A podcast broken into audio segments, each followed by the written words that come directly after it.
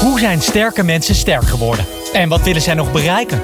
Dit is de Sterkmakers Podcast. Bijzondere gasten, persoonlijke gesprekken. Over de kracht van professionele ontwikkeling en persoonlijke groei. Met Glenn van der Burg. Hans van Breukelen is veel gevraagd spreker over mentale kracht en persoonlijke ontwikkeling. Hij schreef vier boeken, is bestuurder in de sport en in zijn jonge jaren hulde hij heel Nederland in oranje door als keeper van het Nederlands elftal het Europees kampioenschap te winnen. En ik vond het wel eens leuk om eens een keer andersom te beginnen. Om eens een keer te beginnen met wat hij uh, ja, eigenlijk veel langer heeft gedaan dan voetballen misschien wel. Hans, bijzonder leuk om met je te praten over uh, sterk worden in je werk. Ja, daar gaan we het met elkaar over hebben. Ik neem je eerst helemaal terug naar de jaren 60. Ik was nog niet geboren, maar jij was wel geboren. Want jij was een uh, jaar of acht in die, in die tijd. Um, ja, de, de, Hans van Breukelen die, die acht jaar was. Wat deed je toen eigenlijk? nou, allereerst naar de lagere school. De, ja. de Michaelschool. Uh, ik uh, liep verschrikkelijk veel op straat te voetballen. Wij woonden in een nieuwbouwwijk. En daar verhuizen we naartoe. In Utrecht, toch? Nee, in de beeld. Oh, in de beeld, oké. Okay. Uh, het was zes jaar toen we daar naartoe verhuisden. Ja, en er waren allemaal jongens van mijn leeftijd. En wat deed je dan? Ja, dan ging je voetballen op een, een weilandje. En later kregen we zo'n mooi asfalt, uh, asfaltveldje. En dat was ook de ontmoetingsplaats van ons. Nou, daarnaast, volgens mij, was ik ook nog... Ja, zat ik op te welpen. Oh, op ja, de was... zaterdag. Uh, je ging naar de scouting? Op de zaterdag, ja. Scouting heb ik ook nog gedaan. En uh, ik was misdienaar.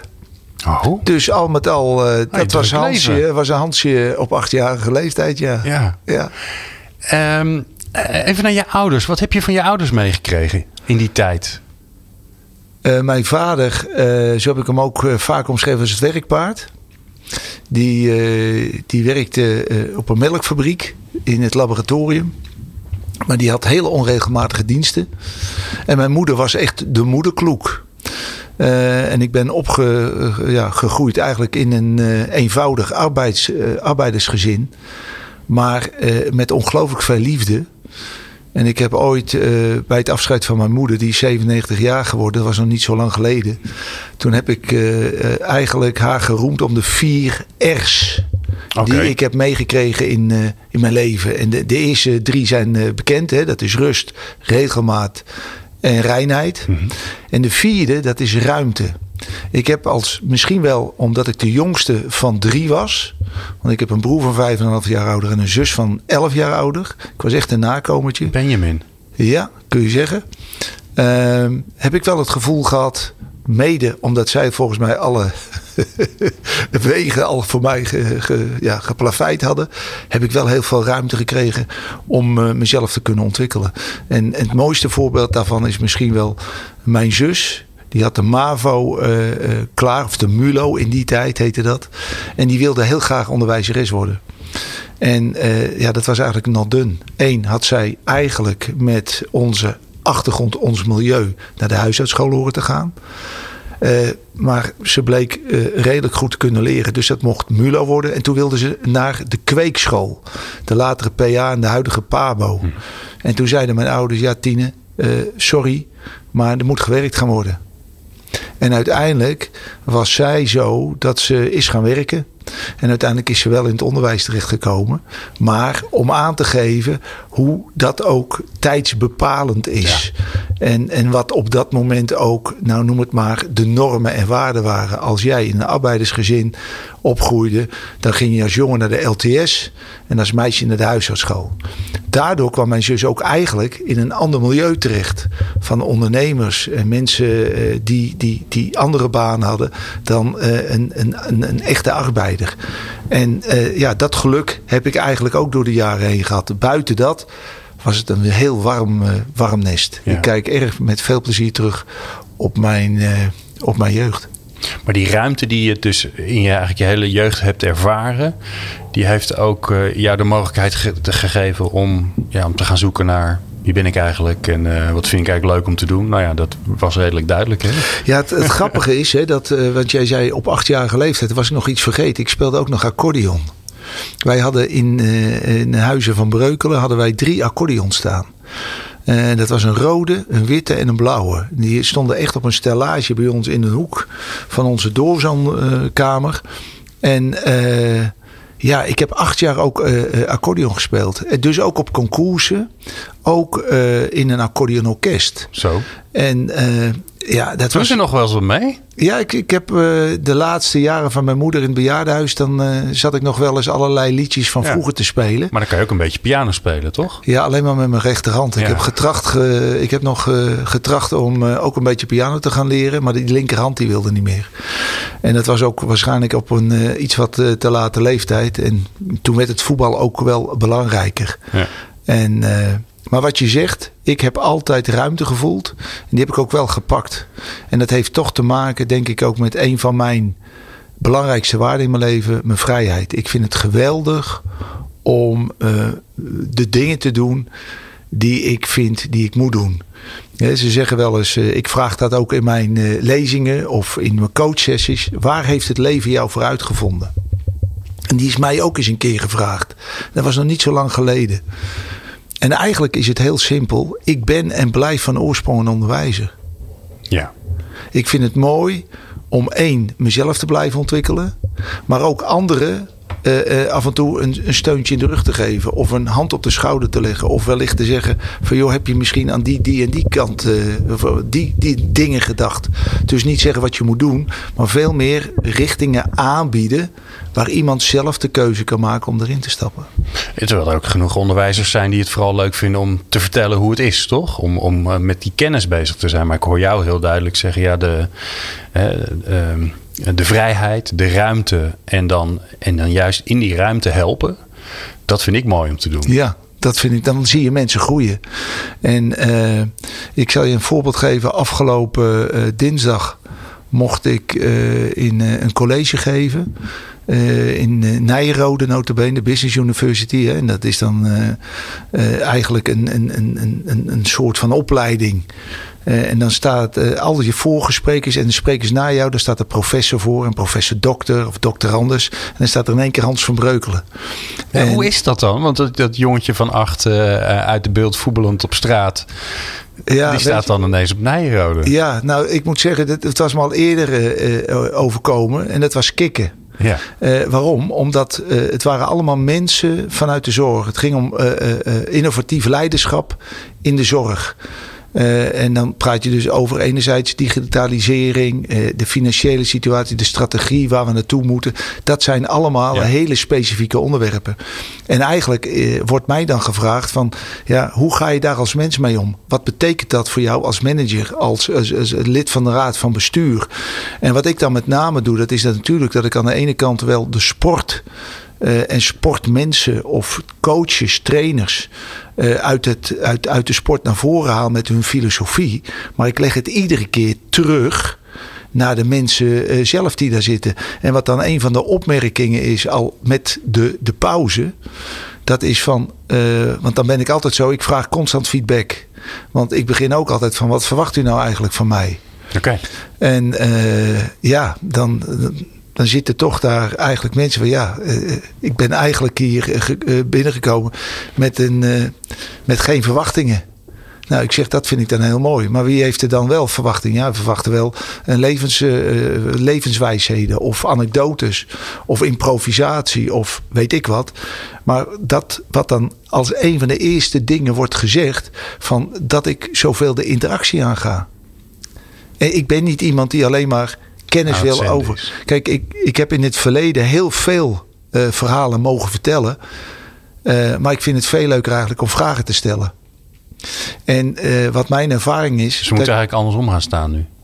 Uh, nou ja, dat, nou, het, het mooie ervan is, vind ik, dat ook als je juist met mensen in een groep uh, bezig bent, dat mensen zo ongelooflijk veel van elkaar kunnen leren. Mm. En daar, dat wil ik enorm stimuleren. Kijk, ik vind het mooi dat ik, nou ja, uh, voor die groep mag, mag staan, zo ervaar ik het ook. Maar ze aan de ene kant een beetje in verwarring brengen. en, en een spiegel voorhouden dat ze bij zichzelf eigenlijk echt aan, aan, zelfreflectie doen. Maar ook door de kwetsbaarheid die ik zelf ook tentoonspreid, hoop je dat dat anderen ook doen. En dan, dan ontstaan er hele mooie interacties. Hè. Ik, bijvoorbeeld een van de vragen is: wat, wat is nou het meest dappere en het stoere wat je ooit gedaan hebt in je leven? En dan vertelt iemand van ja, eh, ik ben draagmoeder geweest. Het feit dat dat gezegd wordt, dan heb je eigenlijk al een sfeer gecreëerd waarin mensen zich veilig voelen. En dat is wel een van de belangrijkste elementen. Dat men moet zich veilig voelen. En dat kun je natuurlijk, als je ervoor staat, kun je creëren. Hoe doe je dat dan? Door zelf gewoon me kwetsbaar op te stellen. Om gewoon te vertellen dat ik ook mijn twijfels eh, heb gehad. Dus je dat begint dan niet met vertellen hoe. eh, je bent een van de weinige voetballers in Nederland die ooit Europees kampioen is geworden. Want dat zijn er niet zoveel. Want we hebben het, maar één keer, het is maar één keer gelukt. ja, maar jij weet Maar- het nog. Maar hoeveel jonge mensen hebben dat- geen, geen idee? Ik bedoel, alles wat 40 en ouder is, die hebben er nog wel een idee bij. Ja, ik weet nog precies waar ik was en zo. Ja, Dus, nee, eh, maar dat, ja. dat hoor ik dus ook. Maar ik heb tegenwoordig ook mensen van 20, 22, 24, 26. eh, mensen voor mij, eh, leeftijd van mijn kinderen, begin 30. En ja, wat hebben die nou met Hans van Breukelen? Nou, sommigen hebben dan nog een beetje eh, gegoogeld. En misschien wat YouTube-filmpjes eh, eh, gezien. En ze hebben dan mijn, periode nog even bij de KNVB meegemaakt als technisch directeur. Dat niet zo succesvol is verlopen, als ik het zo mag zeggen. Zowel niet voor mij als voor de KNVB. Maar goed, nou, dan kunnen mensen, omdat je een publieke functie hebt gehad, ook nog allerlei oordelen en vooroordelen hebben. Dat is ook allemaal prima. Maar dat, het leuke is dat als wij drie tot vijf minuten met elkaar in een ruimte zijn, dan zijn al die verschillen zijn weg. Ja. En, en, en dit is ook nog wel eens een verhaal dat ik vertel. Ik heb hem van Joop Albeda gejat hoor, zeg ik je heel eerlijk. De succesvolle eh, volleybalcoach. Die eh, Olympisch kampioen geworden is in 96 met de, met de lange mannen. Die, eh, ja, die vertelde mij, daar zat ik een keer bij. Dat was eh, ook eh, allemaal eh, mensen met titels en zo. En toen vroeg hij, goh, hij ging naar iemand toe. En die, eh, "Ma- meneer mag ik vragen, wat, hoeveel titels hebt u? Hij zegt, nou, ik heb er twee. Professor en dokter. Hij zegt, oké, dat is mooi. En toen was de volgende vraag. En hoeveel titels hebt u achter uw naam staan? En toen begon de man een beetje ongemakkelijk op zijn eh, stoel heen en weer te schuiven. Die, eh, toen vroeg hij nog aan Joop, ja, eh, hoe bedoelt u dat precies? En toen zei Joop, ja, u hebt, u, ja, u hebt uw bullen gehaald. U hebt een opleidingsniveau. Maar wat hebt u er eigenlijk mee bereikt? En toen werd het stil. En toen zei Joop, ja, wat ik ermee aan wil geven. Dat er sporters zijn die misschien net hun mi- middelbare school hebben afgemaakt. Maar wel kunnen zeggen dat ze Nederlands, Europees, wereld en Olympisch kampioen geworden zijn. Met andere woorden, het gaat dus niet zozeer om competenties.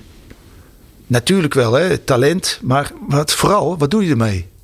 En dan kom je op zaken als, wat ik dan recent nog mooi, en dat, dat ook komt in ons nieuwe boek, eh, Mentale Innovatie zet het leven naar je hand. Dan komt Angela Duckworth voorbij.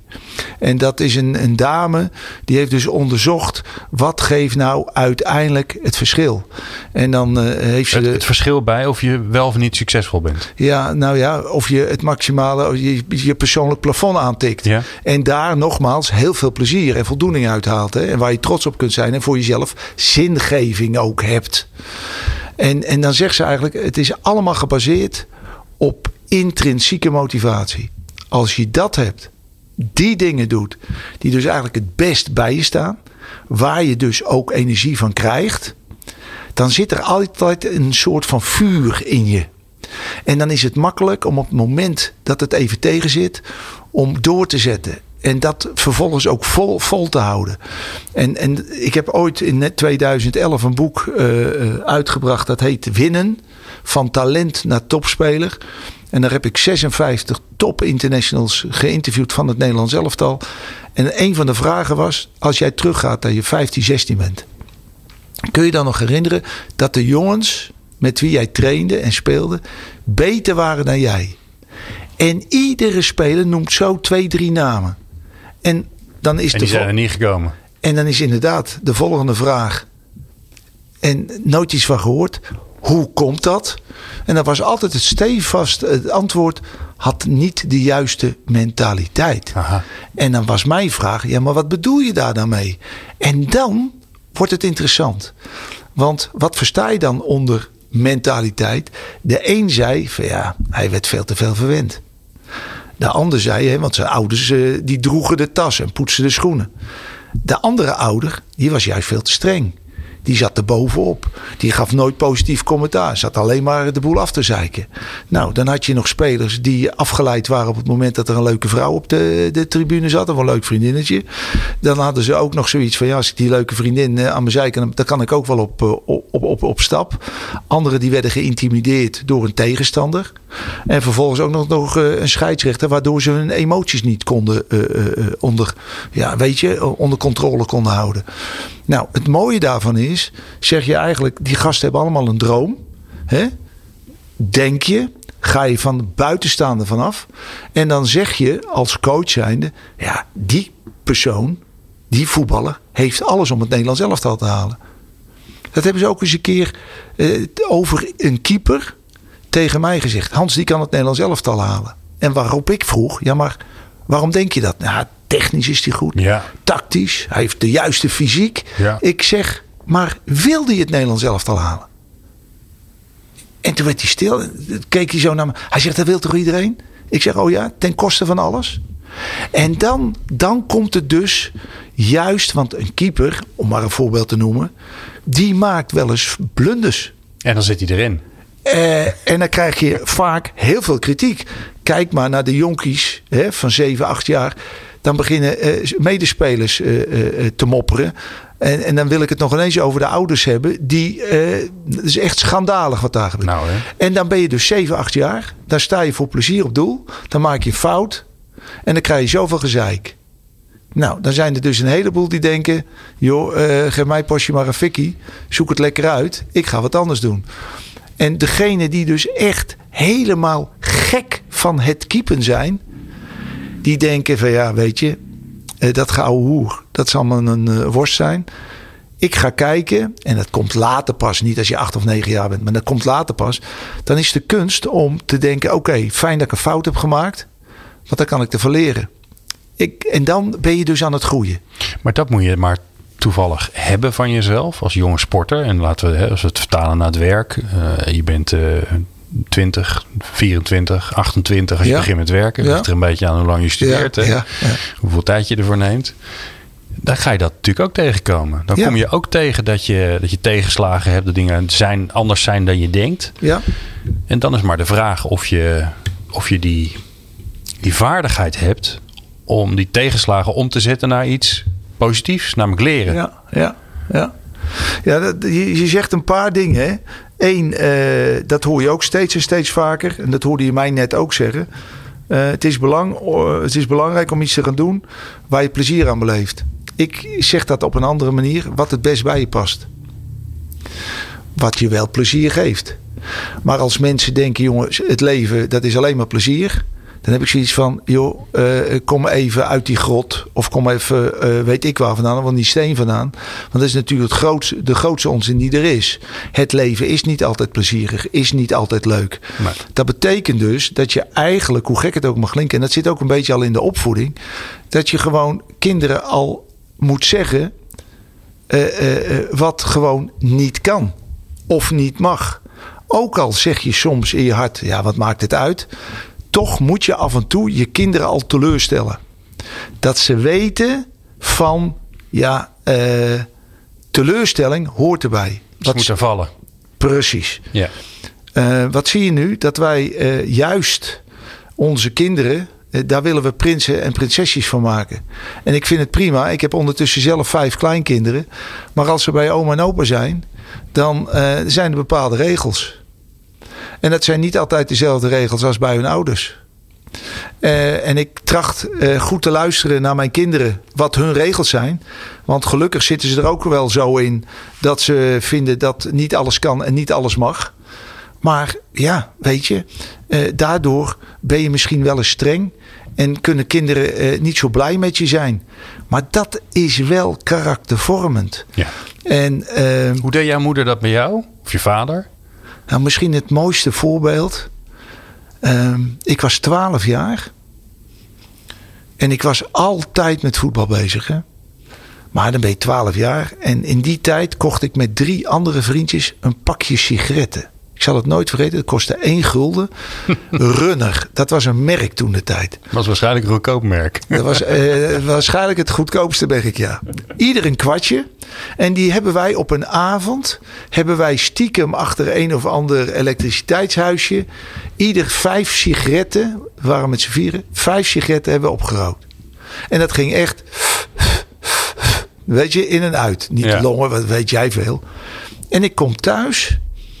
En toen zegt mijn moeder... Hans, heb je gerookt? Nou, ik kreeg zo'n boei natuurlijk. Ja. Eh, ik zeg, ja mam, eh, dat klopt. Toen zegt ze letterlijk, dat moet je zelf weten hoor. Maar onthoud, het is slecht voor je sporten. Aha. Vervolgens ging ik trainen bij BVC, de Beeldse voetbalclub. En bij het eerste rondje dacht ik al, ja mijn moeder heeft gelijk. Want je voelde het gewoon. Nee, het punt was, ze verbood het me niet. Maar ze zei eigenlijk, joh, als je dat gaat doen... Jij wilt zo graag voetballen. Dat is eigenlijk heel slecht voor je conditie. Ik heb daarna ook nooit meer een sigaret opgestoken. Of zoiets dergelijks. Dat betekent, dat was wel heel leuk. Dat betekende dus niet dat ze zei... Ja, dat is slecht en dat moet je niet doen. Of weet ik wat. Nee, zij wist zo goed wat mijn passie was. Dat zij eigenlijk mijn passie gebruikte. Om daarmee het nou ja, de, de, de- iets aan te geven waardoor het mijn passie zou beïnvloeden op negatieve wijze. Ja. Dat vind ik geweldig. Ja. Dat vind ik geweldig. Als ik terugdenk aan de grootste coaches van mijn leven, dan was dat mijn vrouw en dat was een oude trainer van BVC. En eigenlijk, eh, als je dan terugdenkt aan die coaches, dan waren dat mensen die hadden aandacht voor je. Je voelde een bepaalde liefde. Nou, in het geval van mijn vrouw natuurlijk helemaal. Eh, ze corrigeerden je op eh, zijn tijd. Ze gaven je ruimte. Maar ze zeiden nooit eigenlijk, en dat moet je doen. En dat heeft voor mij nog steeds, ook in mijn coaching sessies, dat ik aan mensen vraag: wie is nou jouw grootste coach in je leven? En waarom? En wat betekent dat dan als jij in een leidinggevende functie mag zitten? Wat betekent van de eigenschappen die jij hè, toedicht aan jouw grootste coach in je leven? Wat neem je daarvan mee in jouw werk? En dan zie je mensen denken. En dan gaat het eigenlijk om vaak heel een si- simpele dingen. Hoe goed ken je mensen? Hoe goed herken je ze? En erken je een aantal dingen? En ik denk dat het steeds en steeds belangrijker wordt. In een tijd die veel, nog sneller gaat dan ooit tevoren. Nog veel complexer is. Waar er ongelooflijk veel onzekerheden zijn. En wat zie je dan gebeuren? In plaats van dat we naar elkaar toe trekken. Dat we elkaar nog beter leren kennen. Zie je in één keer, ik heb een mening, jij hebt een mening. En jij bent een lul en jij bent nog een grotere lul. En we hebben blijkbaar, en dan praat ik echt over de extreme. Hè, degene die zich agressief opstellen. Die een mening hebben. En daar ook niet meer van eh, eh, eh, ja, de- ja, de- de- in gesprek raken. Want als jij het niet met mij eens bent, ben je dus tegen me. En dan denk ik, wat doe je jezelf? Wat doe je anderen? En uiteindelijk met elkaar de hele wereld om ons heen. Wat doe je daar jezelf mee tekort? Want dat is dan weer zo'n modewoord, hè? Polarisatie. Denk jongens, ik ben ook gestopt hoor, zeg ik je eerlijk. Met, Maar jij was vroeger ook een stevig type. Als ik zo'n beetje de, Nou, de ik- verhalen ik, voor had, ik had jou mening. keeper. Ja, ik had een mening. Ja, je was wel duidelijk volgens mij, Ja, toch? ja, nou dan heb je dus eh, pro en, en tegens, ook Ja. in dat geval. Maar ik ben altijd wel eh, ook bereid geweest om een luisterend oor te houden. Als mensen eh, konden aangeven, realiseer jij Hans, wat jij met deze uitspraken eh, doet, ook naar anderen toe. Dan was ik wel zo dat ik dacht van, ja, daar zou hij wel eens gelijk in kunnen hebben. En dan was ik niet zo dat ik zei van ja, en zo ben ik en zo doe ik. Want ik geloof namelijk, dat vind ik ook zo mooi, dat, dat mensen vaak zeggen, ja, dat, zo zit ik nou eenmaal in elkaar. Hè, dat is mijn karakter. Maar betekent dat dus dat je eh, geen kans meer ziet om jezelf te veranderen, te verbeteren, te groeien? Denk je altijd dat omdat je altijd aangedaan hebt, dat je geen B kunt doen? Dat zijn voor mij, weet je, dat zijn voor mij eh, wel altijd van die uitdagende dingen. Want ik heb natuurlijk, ik heb in het onderwijs gestaan. Ik heb vier les mogen geven in de eerste periode dat ik voor de, eh, bij BF Utrecht in het eerste stond. Daarna ga je, word je profvoetballer. Maar ik heb in die tijd ook allerlei dingen wel erbij gedaan. Omdat ik dat, ja, daar had ik plezier in. Dat vond ik belangrijk. Uh, ik merkte ook dat je als, uh, ja, als de functie die je had als voetballer, dat je ook nog eens een keer voor een heleboel mensen iets extra's kon uh, betekenen. Al was het maar eens een keer naar een lagere school waar je dan over topsport sprak of over pesten en hoe het is om met druk om te gaan of weet ik het. je ging wel eens naar ziekenhuizen om mensen een hart onder de, de, de riem te steken. later komen daar dan mensen bij die zo graag jouw verhaal willen horen. Hoe jij van een nou ja, een, een amateurtje, een topspeler. En wat dat allemaal met je heeft gedaan. En hoe het is om onder coaches te trainen. En, met, met spelers uh, om te gaan. Met totaal andere achtergronden dan jij. Andere talen, andere culturen. Dat is op zich. Dat is op zich uh, prachtig. Maar dat betekent dus dat ik ook iedere keer, en ook naar het voetbal, is drie jaar in het bedrijfsleven. Toen weer terug in het, uh, in het voetbal. En daarna ja, je eigen kleine BV'tje opstarten. en als je daar nou, want je hebt heel veel verschillende dingen gedaan. Als je daar nou eens doorheen kijkt, als je terugkijkt. Wat, wat maakt dan dat je dat allemaal gedaan hebt? Wat is dan die, de, dat interne vuur bij jou, datgene waar je sterk in bent, wat dat allemaal met elkaar verbindt? dat is allereerst een bepaalde bewijsdrang dat durf ik echt zo te zeggen, als jongste in een gezin.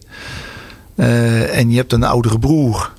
En je mag op een gegeven, mag op een gegeven moment meespelen met die jongens die vijf tot tien jaar, of vijf, vier, vijf jaar ouder zijn dan jij.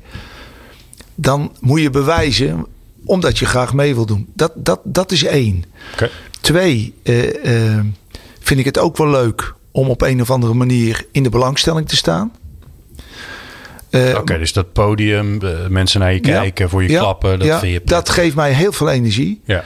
Maar die derde, en, en, en, en die ligt eigenlijk constant. Dat het is niet eh, dit, dit, dit, dit of dit. Het zit allemaal in elkaar verweven. Dat is toch dat ik uh, merk, en daar komt die energie vandaan, dat ik mensen op een of andere manier weet te raken. En of te inspireren. En uh, dat vind ik ja, dat is weer die oude onderwijzer. Dat ik het mooi vind dat op basis van mijn levenservaringen, uiteraard ondersteund met wat cursussen die ik gedaan heb, en wat boeken die ik gelezen heb, en wat hm. theorieën die je hier en daar uh, opgedaan hebt, uh, die je daar uh, ja, ook je verdieping ook mee weet te geven. En ook verdieping naar jezelf. Want dat is ook, vind ik, heel belangrijk. En, en dat je daarmee mensen inderdaad dat steuntje in de rug kan geven. Of even een andere kant uh, laten kijken. Ik zeg ook wel eens in een van mijn sessies. Hè, dat is een van de acht stappen om je comeback te vieren. Wat gun jij jezelf nog? En hoe mild kun je naar jezelf zijn? En wat zit daar nou achter hè, dat jij die mens die werkende mens of die presterende mens, dat je die mens zo fascinerend vindt. Want als jij zo met mij zit te praten, het vuur schiet uit je ogen. ik, ik, denk als we, als, we niet, als, we, als we niet straks ervoor kiezen om te stoppen, dan gaan we gewoon, dan gaat het uren door. Uh, dat gaan we niet doen. Uh, niet in de podcast in ieder geval. Wat is dat dan? Nou, ik weet, weet je hoe, ik denk dat het te maken heeft gehad met uh, het feit dat ik zelf heel diep heb gezeten. Maar dat ook heb weten om te keren. En uh, dan heb je het gevoel dat ene moment uh, dat je geboren verliezer bent. Zo ben ik ooit een keer getypeerd. En dat geloofde ik ook. En dat was in 1987 aan het eind van het seizoen. Toen ben ik ook gevlucht met vrouw en kinderen naar een berghut in Zwitserland. Om geen Nederlanders tegen te komen. Ik zat echt met mezelf enorm in de knoop. En een jaar later mocht ik eerst met mijn collega's van PSV en daarna met Oranje twee Europese bekers de lucht in tillen. Dat verschil tussen in een jaar tijd, nog ineens een jaar, dat heeft mij als mens zo ongelooflijk gevormd. Maar mij ook overtuigd van het feit, je kan nog zo diep zitten. En ik noem dat het geluk van pech. Mhm. Dat als jij pech hebt, dat het geluk is dat jij kunt bepalen hoe je met die pech omgaat. En als jij niet alleen, hè, want ik, ik had het geluk dat mijn vrouw naast me stond. Want die maakte mij bewust eh, door de vraag van ga je vechten of vluchten in die Zwitserse berghut. Ja. En toen dacht ik, ja, ik wil wel vechten, maar verdomme, ik weet niet hoe. Maar zelfs een vechter zoals jij, want daarom ben je gekomen waar je bent gekomen, los van talent en hard, hard trainen, noem maar, noem maar op. Zelfs jij kwam dus op een punt dat je het niet meer wist en dat je eigenlijk dacht, wegwezen. Ja, ik, ik, ik stond ook op het punt om weer terug te gaan naar Engeland, waar ik twee jaar. Maar dat was een vlucht geweest. Ja. En mijn vrouw vroeg ook: ga je vluchten of vechten? En toen zei ik: ik wil wel vechten. En toen zei ze, want ik kende haar vanaf de HAVO, hè, toen speelde ik nog bij de amateurs. Dus vanaf dat moment hebben wij alle saampjes meegemaakt en alles samen gedaan. Tot aan het Nederlands elftal aan toe. En toen kwam dat jaar in 687, dat seizoen. En toen zei zij van, waarom ben jij keeper geworden? Toen ik zei, ja, ik wil wel vechten. En toen zei ik, omdat dat het mooiste is dat er is. En toen zei ze, maar waarom stop je daar, daar dan niet al je energie in? En toen dacht ik dat ik gek werd, Glenn. Echt, ik dacht dat ik Ja, gek werd. Want werkt- zij, je werkt het zij, voor het als zij, al, zij wist als geen ander dat die bal bij ons altijd centraal stond. Het was niet alleen trainen. Het was een hele levensstijl. Ik moest goed eten. Ik moest op zijn tijd rusten. Ik was er constant mee bezig.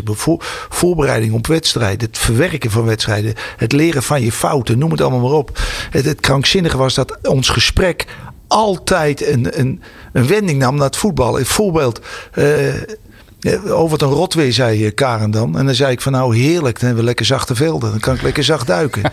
en als zij zegt heerlijk hè, dat zonnetje. Nou, daar baal ik van. Ja. Want die, die velden zijn kei en keihard. Ja. Nou, zo'n beroepsdeformatie zat er in mij. Ja. Nou, en toen zei zij, waarom stop je daar dan niet al je energie in? Ik zeg, maar hoe bedoel je dat dan? Toen zegt ze, Hans, jij bent toch veel te veel bezig met journalisten. Met supporters. Met collega's, met trainers. Wat die van jou vinden. Hm. Denk jij nou echt dat jij die kunt veranderen? De enige die je kunt veranderen, ben jezelf. Ik zeg, ja, maar hoe moet ik dat dan doen? Toen zegt ze, als jij je anders gaat denken, ga je anders voelen. En dan komt er pas een ander gedrag tevoren. Een wijze vrouw. Dat kun je wel zeggen. Ja, wauw. En ik zou je Want zeggen, jij was toen... ik, ik was eh, toen... eind eh, 20 misschien? Ja, ja, ja, ja. Het Ja. was eh 87. Dus ik was eh, op dat moment nog 30. Ja. Ik zou in oktober 31 worden. En, eh, maar dan zie je, dan heb je van je hobby je werk mogen maken. Eh, Eigenlijk zou er niks leukers mogen zijn. En je hebt het gevoel dat je iedere dag eh, met, met, met drie eh, mut aardappel op je, op je rug loopt. En dat je denkt, wat is hier nog leuk aan? Weet je? En dan ga je terug naar de oorspronkelijkheid. Ga je terug naar nou noem het maar het onbevangen zijn weer. Om dat degene doen Ja. wat jij zo leuk vindt. jongetje van 18 stond weer. Precies. En dan denk je niet meer aan wat anderen van je vinden. Sterker nog, die kun je toch niet beïnvloeden. Het enige waar je beïnvloed op kan uitoefenen, ben jezelf. Nou, als je dat dus kunt doen, dan kun je dus in vrij korte tijd, kun je op een gegeven ogenblik weer, ja, eh, eh, vertrouwen krijgen. Dan gaat je je nou- zelfbeeld weer omhoog. Als je nou mensen eh, ziet, spreekt, hoort, die, ehm, die ook in zo'n zo'n dip zitten. En dat kan een dipje zijn, maar het kan ook natuurlijk een, een mega heftige.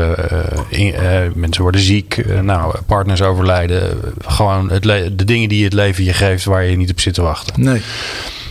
Als je dat ziet en je ziet dat mensen er niet uitkomen, hoe voelt dat dan voor jou? Ja, ja dan, dan allereerst vind ik dat eh, eh, ongelooflijk balen. Dat iemand in een oncomfortabele positie blijft zitten in zijn leven. Ik zal je daar ook een voorbeeld van geven. Toen ik had besloten om met de KNVB te stoppen. Dat was in 2017. Toen ben ik echt voor mijn gevoel voor de eerste keer in een zwart gat gesodemieterd. Ik twijfelde aan alle kanten aan mezelf. Ik had totaal geen zingeving meer. Ik had eigenlijk, ondanks dat ik liep te golven en, eh, en reisjes te maken, had ik daar wel plezier in. Maar er zat nog steeds iets van. Weet je, een gevoel van. eh, potverdorie, waar, waarom is het me niet gelukt? En eh, er zat ook nog wel een, soort van. pijn. Pijn in me, weet je. Terwijl ik aan de andere kant wel opgelucht was dat ik het besluit had genomen. Omdat ik wist dat het beter voor mezelf was. En dan merk je dat je omgeving, die begrijpen het wel. En waar Weet heb je je? dan last van? Wat is dat dan waar je dan mee zit? Dat je eigenlijk op dat moment een zinloos leven hebt. Een doelloos leven. Maar ja, je kon weer lezingen gaan geven, je kon weer gaan nee, coachen. want dat, Wilde dat dat, nee, dat twijfelde ik aan. Ja. Zeker na dat jaar van zitten mensen nog op mijn eh, verhaal te wachten. Oké. En ik hield het ook weg. Ja. Ik wilde echt. En het, het vervelende was ervan dat het op een gegeven moment ook nog in je lijf schiet dan. Hè? Ik dacht op een gegeven moment, ik was een mooie reis in Zuid-Afrika aan het maken met mijn vrouw. En eh, ja, ik was, had iedere dag pijn in mijn lijf. Ik kon nauwelijks nog zitten. Ik dacht, ik heb een hernia. En dat was allemaal een gevolg van dat ik me eigenlijk, terwijl ik de mooiste dingen aan het doen was, diep ongelukkig voelde. En aan het eind van het jaar, toen eh, eh, raakte ik weer in contact met Benno Diederiks. Dat is een executive coach waar ik ook al een ander boekje mee had eh, geschreven. Maar die was ik ook wel weer een beetje uit het oog verloren. En die belde me op. Hij zegt: Hans, ik heb een, een methode ontwikkeld. Dat heet Maak je comeback. Eh, en dat bestaat uit acht stappen van op je bek gaan, vallen, tot weer regisseur worden van je leven. Toen heb ik letterlijk tegen hem gezegd: Pas die maar op mij toe. Dan heb ik 14 Goeie timing. Exact. Heb ik 14 uur of eh 14 keer bij hem aan de keukentafel in Sint-Michiels-Gestel gezeten. En die heeft mij eigenlijk het vuur aan de schenen gelegd. Dat ik hem af en toe over die tafel wilde trekken. Dat ik echt dacht van, weet je, eh, En hoe deed hij dat dan? Ja, door me eigenlijk constant te triggeren. Eh, voorbeeld. Eh, voor mij was één ding duidelijk. Ik wilde niet doorgaan met dat klote gevoel. Ja. Ik wilde weer een, een, een, een, een, een, een, een zinvol leven gaan leiden. Waar ik weer plezier had. Dat was echt helemaal weg. Mijn zelfbeeld, het vertrouwen, geloof het of niet. Maar ik had het gewoon echt niet. Ik was meer aan het vluchten en aan het vermijden. Dan dat ik ooit in mijn leven heb gedaan. Alleen maar met zogenaamde leuke dingen bezig. Heerlijk hoor, golven. Leuke reisjes maken. En toch voel je diep ongelukkig. Ik had in die positie kunnen blijven zitten. Maar ik voelde me daar ongelukkig oncomfortabel in. En ik heb gekozen voor iets nieuws. Terwijl ik niet wist wat het nieuwe was. Mhm. En dan zeg ik wel eens tegen mensen die dan moeilijk zitten. Nou, je kan in die situatie blijven zitten. Is dat hetgeen wat je wilt? Nou, dat is prima. Maar dan, dan accepteer je dus ook gewoon nog steeds die pijn. En, en dan, dan gaan de mensen op een bepaalde manier met je om. En dan blijf je de persoon die je bent. Kun je voor jezelf, en dat is ook essentieel in dit verhaal. Dat is de tweede stap in die acht stappen. Kun je voor jezelf een urgentie vinden. Een drang vinden dat je denkt: ik ga hier niet meer mee akkoord. Ik moet voor mezelf terug naar iets. Noem het maar weer. Dat ik mezelf opnieuw ga uitvinden. Ja. Dat ik mezelf opnieuw ga ontdekken. Nou, als die urgentie er niet is, prima. Dan trek ik ook mijn handen terug. Want het mooie is van op je bek gaan, en dat is de derde stap. In hoeverre krijg jij inzichten over hetgeen wat er met je gebeurd is? Het, het, het, wij, wij omschrijven dat in ons boek. Maar jij zit daar met Benno aan de, aan de keukentafel. ja, Jij praat. Ja. Dat doe je makkelijk, dus je begint te praten. Maar jij zegt, soms wilde ik hem wel eens over die keukentafel heen trekken. Dus wat deed hij dan om jou uit je balans te halen of uit je groef te halen, zodat je eh, boos geïrriteerd was? Het gebeurt niet zo snel. Nou, hij, hij, hij, confronteerde mij gewoon eh, eh, met, eh, met eigenlijk wat, eh, wat, wat gebeurd was. En eh, ik zei ook van, eh, en dat is mijn eigen schuld.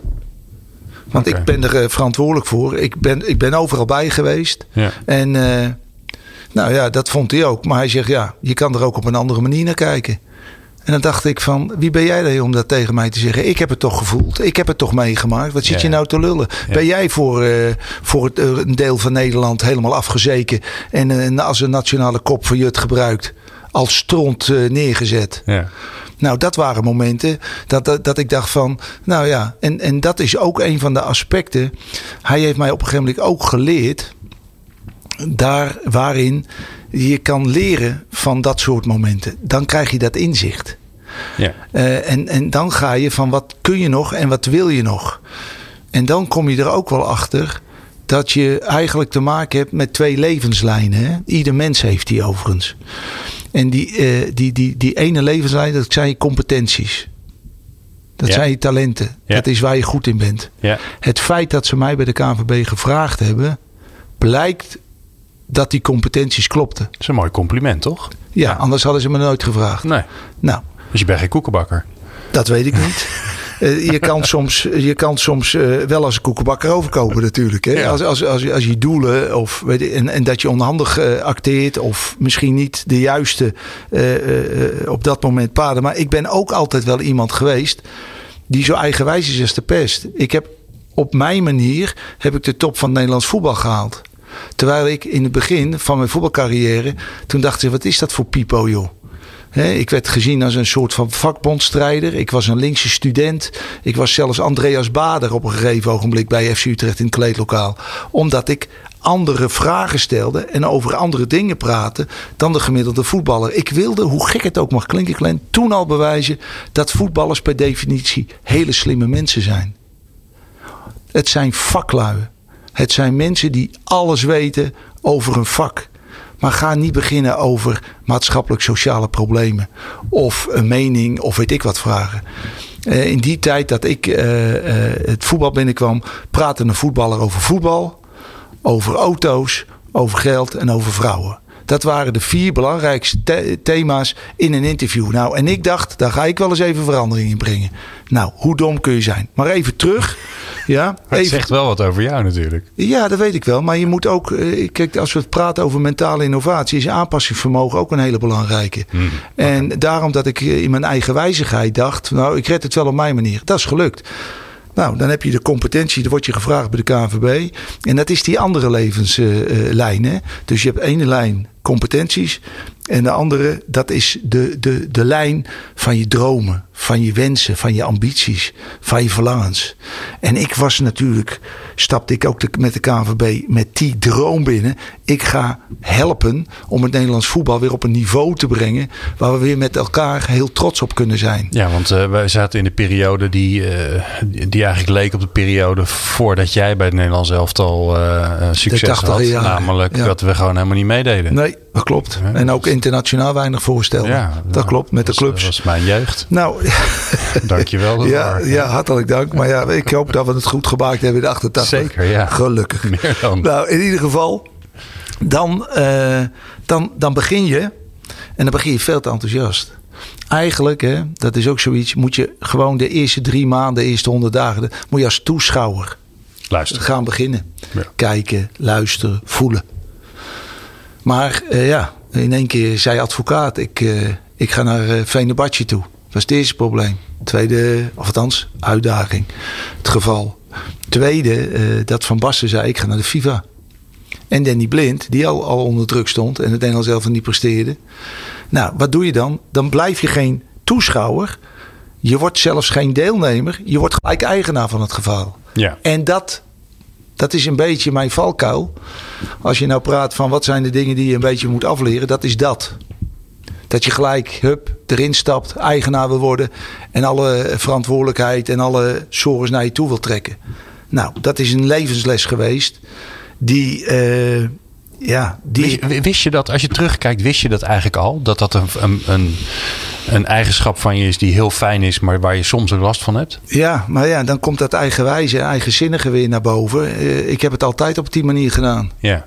En natuurlijk moet je dan op, ook, ook aanpassen. En ik vind dat, eh, dat is ook zo mooi, die twee levenslijnen. Nou, dan kom je in een spagaat te zitten. En dan heb je nog, eh, en dat komt dan bij kunnen, die stap in die achter komt dan naar voren. Dan heb je het deel kunst en kunde. En kunst, dat is jouw DNA. Dat zijn eigenlijk jouw echte karaktereigenschappen. En die kunde, dat is allemaal aangeleerd. Is allemaal aangeleerd.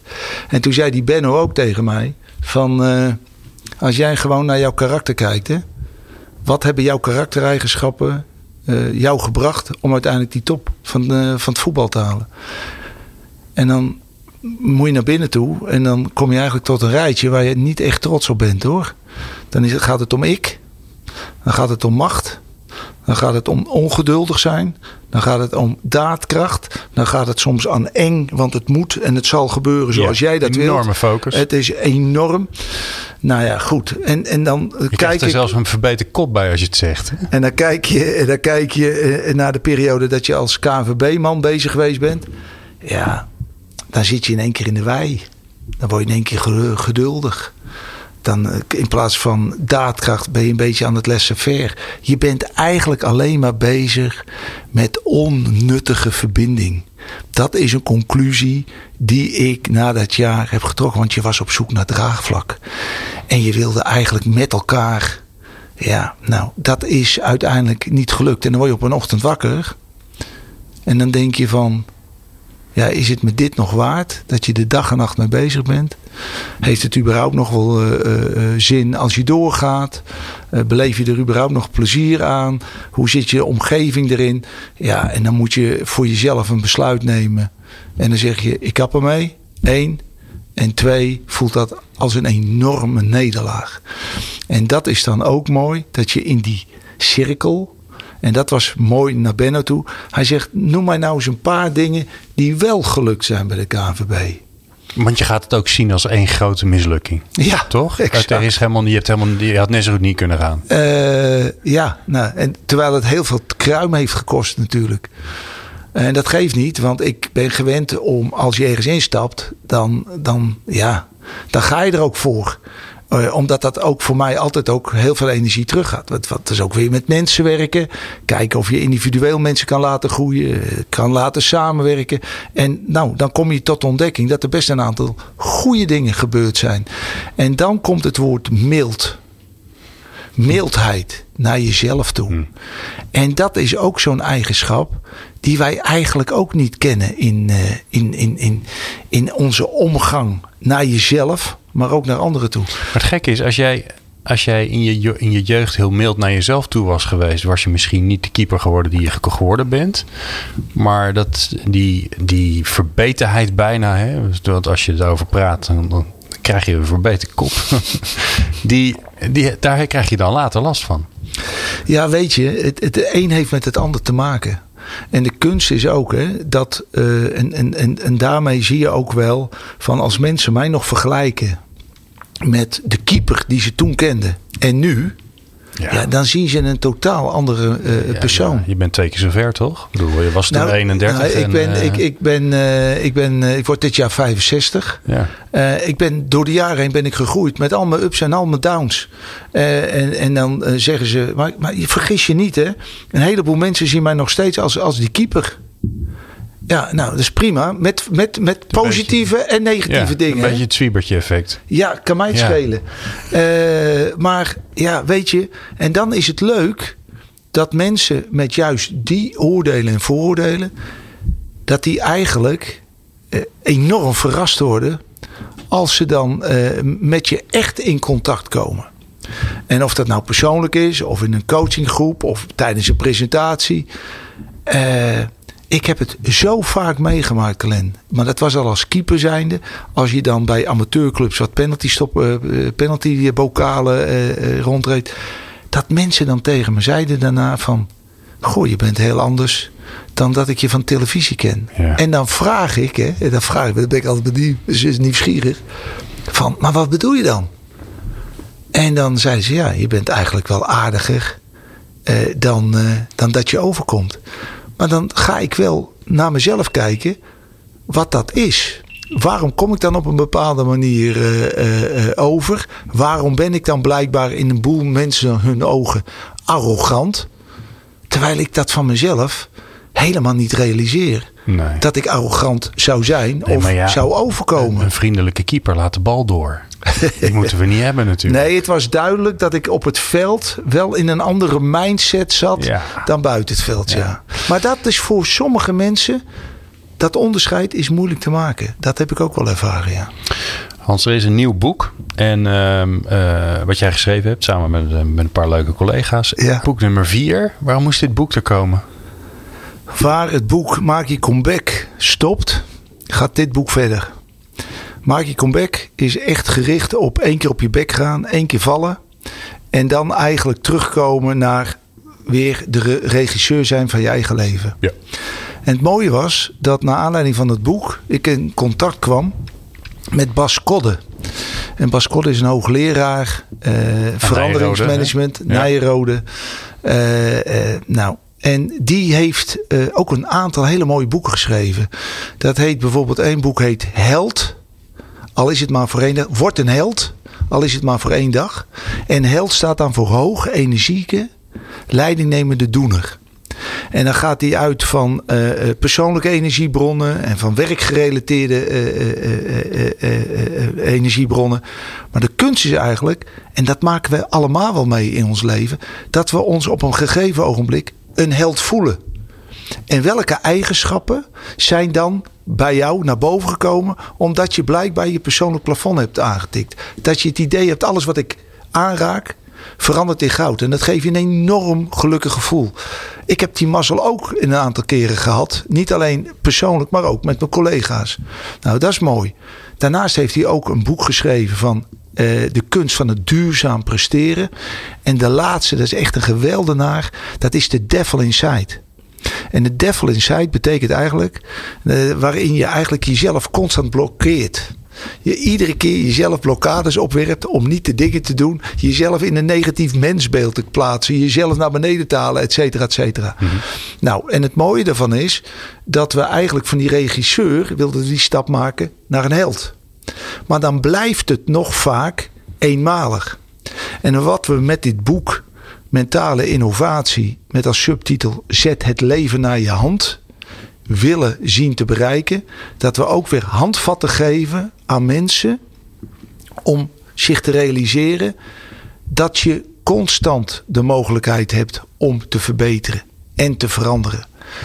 Uh, maar dan moet je wel durven te dromen op een bepaald moment weer. En een, een schaker willen zijn om te kijken van jongens, welke doelen kan ik stellen en welke stappen moet ik gaan maken. En dan kom je weer uit bij dat heldengevoel. En dan is de laatste stap, hoe maak je dan van een held een helder team? Dan ga je van de ik naar de wij. Nou, en dat is eigenlijk uh, uh, veel duurzamer dan dat boek Maak je comeback. Eenmalig. Dat andere is echt op duurzaamheid uh, gericht. Gericht op uh, vaardigheden aanleren, zodat je daar je leven lang gebruik van kan gaan maken. Ja, maar ook vooral het bewust worden van het feit dat je even weer terug moet naar je oorspronkelijkheid. Ja. En dat je weer uh, wegkomt van het doemdenken, maar meer in het doen-denken doorgaat. En dat je van je competenties veel meer een vakman uh, wordt.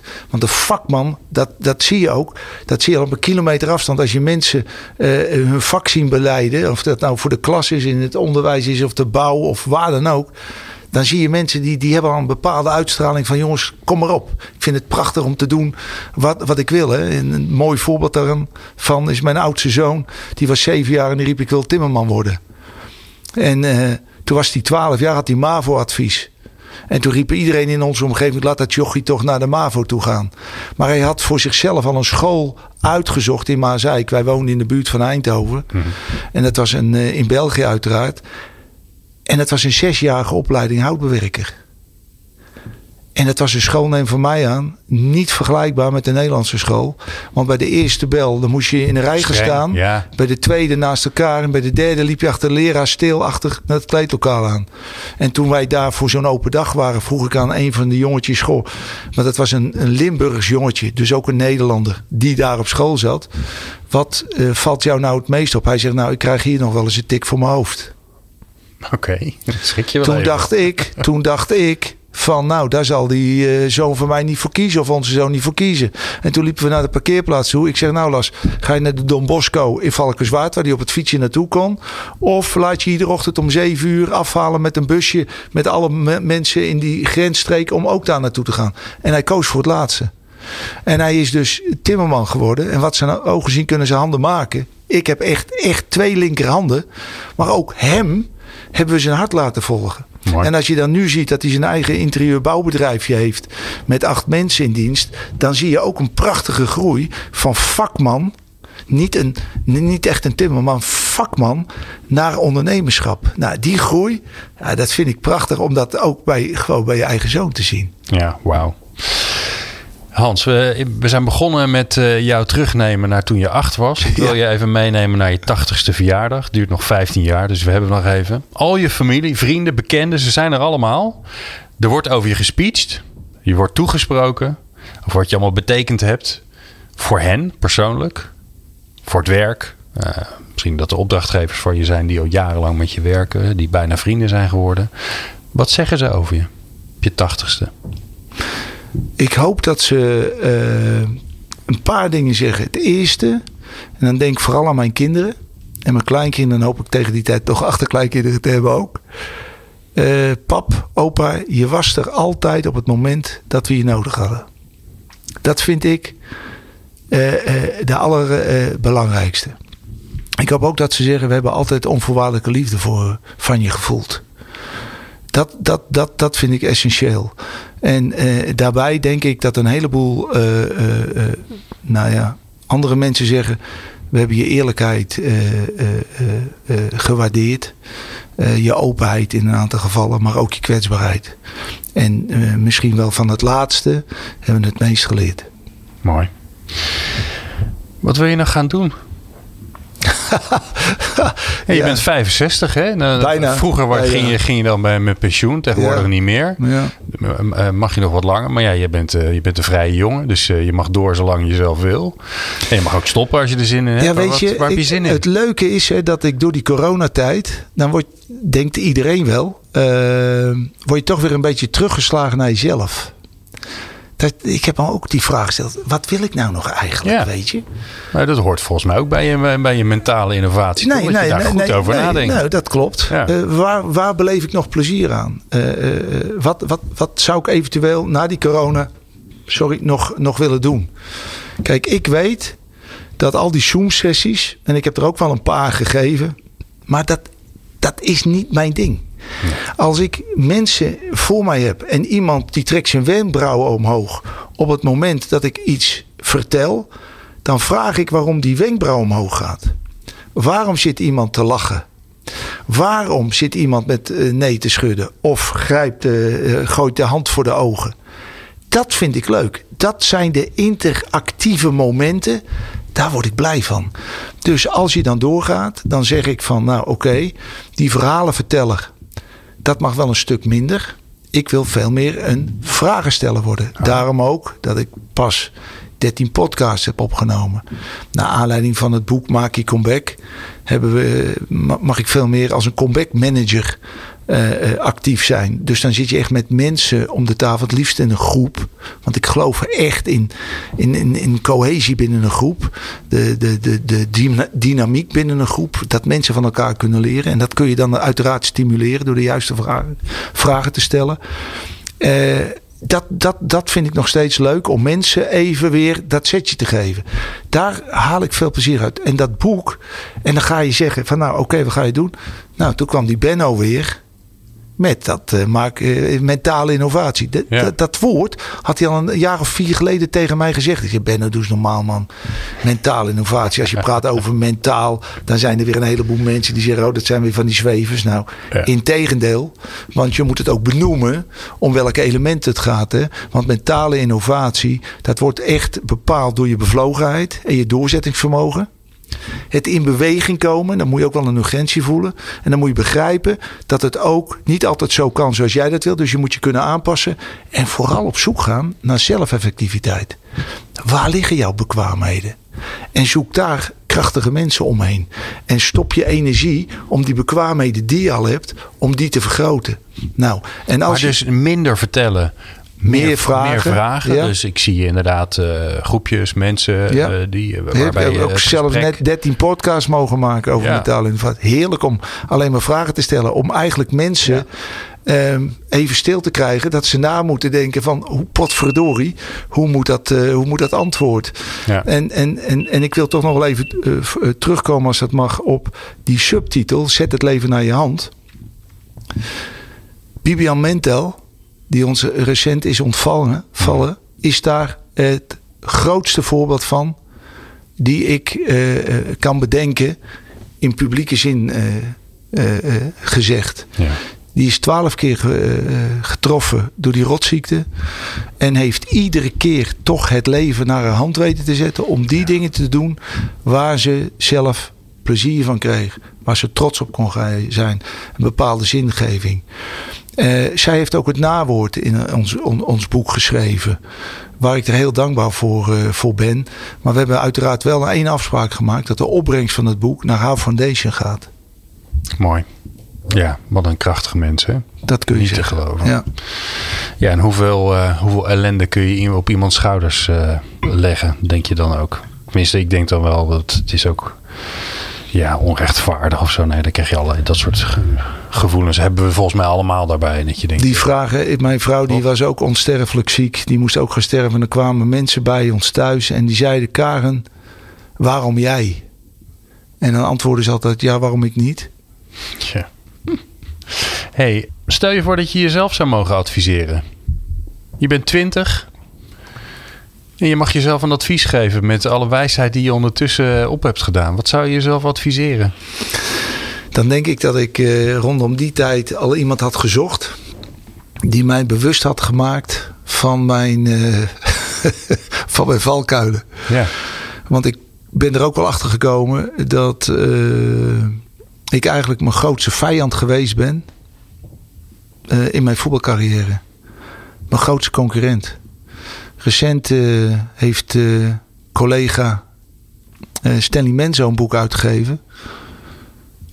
En dat was zo ongelooflijk herkenbaar. Het gevecht onder de lat heet dat. Maar dan zie je ook het gevecht, in dit geval met zichzelf. En dan had hij en dat heb ik me nooit zo gerealiseerd, had hij ook nog het feit dat hij een donkere huidskleur had. En daardoor eigenlijk nog veel meer onheus bejegend is mhm. dan ik. Terwijl ik het gevoel had in die tijd dat ik al heel onhuis bejegend werd door supporters, door journalisten, weet ik wat. Maar wat hij heeft meegemaakt, dat is echt niet te geloven. En als je dan ook kijkt hoe daar is mee omgegaan. En dan, dat zeg ik wel eens, hè? ook uh, jeugdopleidingen. Maar ook jonge mensen, ook uh, universitaire uh, opleidingen. Het is zo mooi als je leert hoe je het best je eigen gedachten kunt managen. Je eigen gevoelens kunt managen. Wat gedachten met je gevoel doet en dat een direct effect heeft op je gedrag. Daarom zeg ik ook altijd tegen leidinggevenden: je moet mensen aanspreken op hun gedrag, maar je moet trachten ze bewust te maken dat ze anders kunnen gaan denken, waardoor dat gedrag uiteindelijk verandert. Als ze geen urgentie voelen om dat te doen, houdt het al op. Gebeuren. Dan houdt het al op. Hans, ik wil afsluiten met. Uh, met, uh, nou, het, past heel erg mooi eigenlijk met wat je, wat je, wat je gaat doen de komende uh, jaren. Ik wil afsluiten met een, met een vraag van jou.